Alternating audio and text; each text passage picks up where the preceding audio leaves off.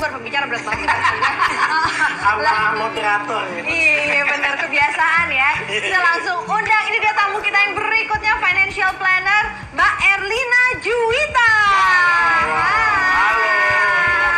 Apa kabar? Oke, monggo monggo monggo monggo. Mbak, nggak nggak sih soal karding-kardingan begitu?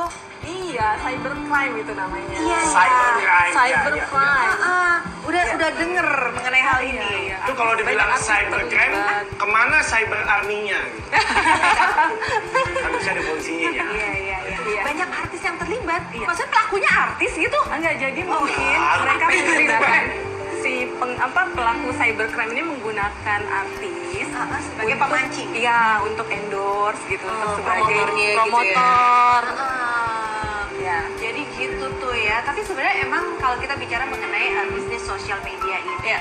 Ini memang sangat menarik ya. Kalau kita ngeliat Claudia yang memulai dari tiga tahun yang lalu ternyata menjadikan ini sebagai main jobnya sekarang ya. Jadi main jobnya. Nah kalau misalnya dari segi financial, Ya. sebenarnya pergerakannya sendiri bagaimana sih dengan ini kan terjadi perubahan ya gaya Iya belanja dong. orang, Benar, benar. gaya orang berpromosi ini totally different ini ya dunia baru loh buat saya nggak ngerti. Iya, didukung kecanggihan teknologi kan. Hmm. Sekarang banyak banget apa apa serba digital. Bahkan Iya. uh, kita bisa bisa ya kan bisa belanja dengan hanya pakai jempol aja Iya. gitu. Dan juga pebisnis mungkin ada kesulitan dalam keuangan sehingga mereka mencari cara nih Uh-uh. untuk bagaimana caranya untuk mendapatkan uang dengan cepat Oke. menggunakan teknologi seperti itu. Maka itulah terjadi yang namanya cybercrime itu. Oke, itu kalau misalnya Iya. kita berbicara mengenai si cybercrime Iya. sendiri. Cuman kalau kita berbicara secara yang luas seperti ya sekarang orang nih gaya berbelanjanya udah berbeda. Udah berbeda. Terus udah gitu cara mempromosikannya berbeda. Apakah ini membuat orang semakin jor-joran untuk berbelanja atau Iya. jadi malah opsi untuk yang nggak ada lapar mata lagi gitu. Kalau Iya, kita ke iya. mall kan lapar mata Iya. zaman dulu kan. Lihat fisiknya, Ambil, ya. gitu. Ya itu sih sebenarnya kita sebagai konsumen harus lebih cerdas ya pada zaman saat ini ya apalagi teknologi semakin canggih kita mesti bisa yang namanya mengetahui apa yang benar-benar kebutuhan kita Oh. apa yang benar-benar hanya uh, keinginan kita gitu loh jadi bisa memilah-milah lah gitu. Tapi memang ya Ya. orang-orang kayak Claudia ini bikin barang nggak penting jadi penting. ya kan godaan Iya, ya, ada duitnya bikin racun. juga sih sebenarnya Iya kan, selama ini misalnya nih, ah saya make upnya cukup bedak sama lipstick aja, terus eh, eh, ada highlighter, ada kontur, ada banyak juga. ah. Oh ternyata blushnya jangan pakai satu warna aja, pakai dua tiga warna boleh. nih. betul. Nambah, nambah dan nambah akhirnya. Awalnya ngeliat tutorialnya, oh Iya. ternyata bikin alis lebih simpel dengan kayak gini tiba-tiba, eh ada ini nih video berikutnya, oh tentang produk, oh, udahlah kepancing di situ. Ah, ah, gitu. Kalau untuk eh, di matanya eh, Mbak sendiri gitu loh sebagai financial planner, yang bisa dilihat dengan pergerakan dunia yang seperti sekarang ini gitu dan dengan gayanya yang sekarang? Iya, sebenarnya sih saya mencermatinya itu sebenarnya ada dua sisi ya sebenarnya. Bagus juga untuk seorang milenial mempunyai satu atau dua job itu terkait sama dengan eh, sama sosial media kan. Dengan dengan begitu kan dia dapat double income ya, entah dia eh, sebagai pengacara misalnya, Iya. terus juga sampingannya sebagai endorser gitu. Tapi di lain sisi juga kita lihat dari eh, kalau kita berprofesi sebagai endorser itu kan berarti orang melihat publik melihat kita sebagai eh, orang yang bisa mempengaruhi kan. Iya. Nah, Influencer. kita juga mesti lihat efeknya dulu sebelum kita misalnya mengambil keputusan untuk eh, menjalin kerjasama dengan satu perusahaan, misalnya let's say travel agent gitu ya, atau kalau di kasusnya Claudia kan mungkin Dengan brand-brand brand-brand ya. kosmetik ya. Apakah dari situ ada efeknya nanti ke publik seandainya publik punya intensitas untuk beli, Ah. ya kan? Uh, jadi sebelum sebelum kita memutuskan untuk kerjasama, kita lihat dulu nih bagaimana proteksi ke diri kita dulu. Kita buatlah yang namanya kontrak, ya, kontrak untuk melindungi kita dulu. Terus kemudian kita juga ketahui banget produknya apa dan perusahaan yang terkait sama kita tuh bagaimana gitu. Ya, kalau udah perusahaannya seperti belum. yang Claudia buka, Iya. mah kita udah, ya elah Udah, bahkan juga udah. udah tahu itu perusahaan gitu kan ya. Iya, iya, benar, Kan kan banyak sekarang yang perusahaannya out of nowhere gitu loh. Iya, Terus produk-produknya startup-startup baru gitu Iya, ya. yang baru merintis ya. Iya, tapi iya. udah berani memakai artis atau. Berani bayar Iya. yang promosi. Apalagi yang followernya udah jutaan kan itu luar biasa Ah. pengaruhnya kan. Nah, itu gimana tuh Cara kalau ngeceknya Claudia? itu gimana? Nah, ya gitu loh. Kita lagi mau membuka jalur baru di, Di Indonesia. gitu loh. Dan pingin uh, Mbak Claudia untuk bisa membantu kita mempromosikannya. Terus apa yang Claudia lakukan kalau ketemu yang kayak gitu? Paling biasanya kayak yang tadi udah aku share, aku pasti research dulu. Terus yang kedua, mungkin aku tanya sama teman-teman influencer lain, apakah mereka pernah di endorse juga atau enggak. Terus. Reviewnya kayak gimana, beneran aman atau enggak, gitu-gitu. Testimoni ya ke Testimoni, teman-teman ya. bener. Seprofesi. Jadi, Iya, selain cek-cek di internet, tanya-tanya sama sesama teman-teman influencer gitu. Ya. Oke, itu yang paling penting ya. Jadi memang kembali lagi check and recheck. Betul. Claudia, Yes. jangan males untuk ngecek. Betul. Ah. Apalagi kan kalau Claudia mungkin udah ada basic knowledge-nya sebagai sarjana hukum kan. Belajar Dia lebih bisa me- mempelajari dulu nih kontraknya seperti apa Bener, gitu bener, kan. Karena aku pernah, aku ada cerita lucu juga. Aku pernah ada kerja sama sama em, sebuah salon. Iya. Terus sambil di salonin gitu, aku sambil baca-baca kontrak sendiri kan. Iya. Dan gitu. Nah, tapi kan balik lagi kalau kayak begini kan bisa dikatakan ini bisa jadi jangka panjang, bisa juga jangka pendek. Ada beberapa orang yang memang influencer untuk nggak bisa lama-lama banget gitu loh, entah mungkin karena ya sama Iya, aja kayak iya, dunia iya. hiburan, iya, artis. gitu. ah. Nah, itu cara ngatur-ngaturnya gimana tuh? Oh ngatur uang influencer ya berarti kan dia itu pendapatannya bisa jadi enggak ini ya Nggak- nggak stabil. ya, Ah, fluktuatif. ah, Berarti kan sementara pendapatan nggak tetap sementara pengeluaran kita pasti ada yang fix. Iya dong, kamera, fix Iya, modal, apa tadi ring light, iya. apa. Iya. Nah itu harus diatur biasanya kalau financial planner itu uh, mereka mereka dan uh, kita gitu ya mengasih memberikan saran itu gini ngaturnya jadi income yang biasanya fluktuatif diatur nih dibagi menjadi berapa bulan atau selama tiga bulan di, kita implementasikan gitu. Oke. Jadi kita buat budget per tiga bulan kalau untuk influencer. Itu kita buat budget per tiga bulan. Nanti setelah tiga bulan kita review lagi seperti apa. Biasanya sih nanti ada alokasinya.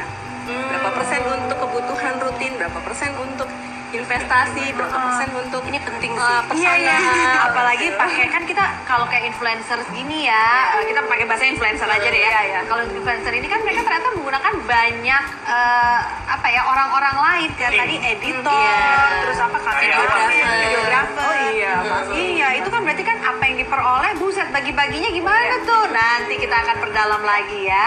Bagaimana cara memanage keuangan yang tepat apalagi kalau Anda berniat menjadi seorang influencer. Jadi Membicarakan mengenai uh, influencer atau endorsement, ini adalah hal yang menguntungkan atau hal yang merugikan. Bapak kenapa pose terus Pak? Ini pengen lanjut ke sore, santai seru gitu. Belum gitu. Kan saya ngantar dulu Pak. Oh, iya, iya, habis itu betul. habis ngomong ngasih tahu topiknya, baru Iya. kita bilang makanya kita lagi mau bahas itu di Sore, santai seru. Lagi kayak gimana selesai. Selesai lagi segmen. Iya iya iya. Cuman tadi kalau misalnya kita bicara mengenai plus minusnya endorsement, ya ada satu hal yang menarik saat kita bicara mengenai apa tadi kan sebenarnya carding. Carding. Ah, ah. carding oh Carding. carding, Card, gitu. Carding. Yes. terus ngeing, ngerjain kartu. Ini agak sengal gitu. Ah. Ngakalin kartu. Carding. ngakalin kartu gitu ya carding. Ini ternyata menyangkut nama-nama besar loh, nama-nama artis yang kalau kita sebut namanya Anda kebayang wajahnya, kalau Anda lihat wajahnya Anda tahu namanya siapa. Gimana gimana gimana? Sebut namanya kebayang wajahnya. Kalau lihat namanya udah tahu namanya. Lah, Gitu ya. Jadi bingung. Oh, ya udah deh, maksud saya ini loh orang-orangnya. Wele wele wele namanya endorsement yang bikin sial dong jadi model endorse-nya. Iya. iya Iya kan, karena kan jadi serem terus menambah lagi orang-orang kayak misalnya kita nih sebagai uh, kons- konsumen ya kan jadi takut nih jangan-jangan artisnya bilang iya ini bagus apa segala macam eh dodo eh jangan-jangan malah kebalikan ya ini bisa apa ada ketawa Iya. Jadi kita jadi nggak nggak apa nggak mudah percaya lagi sama si influencer Nah, itu. reputasi dipertaruhkan Benar. Nah, eh. Kredibilitas. kita tanya dong berada di profesi itu di bangku bukan bangku pesakit ya di bangku profesi endorsement atau uh, vloggers ini kalau kayak begini kan bisa mencoreng reputasi sebagai vloggers tuh gimana tanggapannya? banget sih bener. Dan sangat disayangkan. Dan sebenarnya worst case kalau misalnya kita lihat dari dunia hukum yang Uh-huh. tadinya mereka disebut sebagai seorang saksi. Saksi, benar. iya kan? Bisa sebagai seorang saksi kan? Karena Terus mereka bukan pelaku Iya. iya kan? Terus kalau misalnya em, dicari tahu makin dikorek-korek ter- ternyata emang ada sangkut pautnya. Ternyata mereka emang konsen juga kalau ternyata ini tuh ada indikasi penipuannya gitu. Iya. ternyata bisa naik pangkat jadi tersangka. Dan itu yang paling ditakutkan ya dari yang tadinya cuma iya. kan? Dari yang tadinya cuma Terima job. saksi eh, terima job nggak ngerti apa-apa. Tiba-tiba lah kok bisa jadi tersangka gitu. Itu bisa jadi tertangkap Itu bisa jadi tersangka kalau Iya, misalnya- aspirasi kesian loh, cuma 5 juta tadi.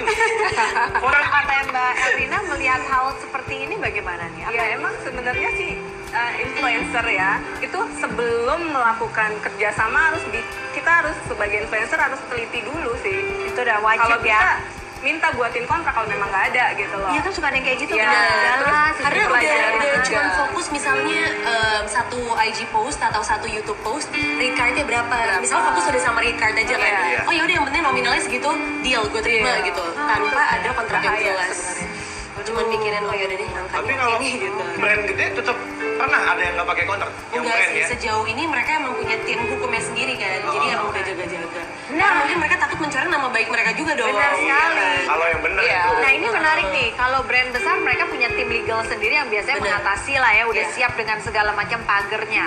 Tapi untuk yang masih baru nih, yang masih levelnya uh, startup, Startup, ya. masih yang Newcomer. in, newcomers, Iya. apalagi misalnya ibu-ibu atau perempuan Iya. hebat yang ngerasa saya jago masak, saya pingin dibantu jualin somainya saya, bisnisnya saya. Nah ini mumpung ada uh, Mbak El, El, Elin- Erlin. Erlina, Mbak Erlina, saya jadi mau tahu deh gimana sih cara hitung-hitungan kalau ingin membuka usaha Oke. baru untuk sistem level rumah tangga. Oh, mau tahu kan? Mau tahu kan? Ayo, gimana? ayo, Mumpung ayo. ada ibu-ibu Tanya. di sini.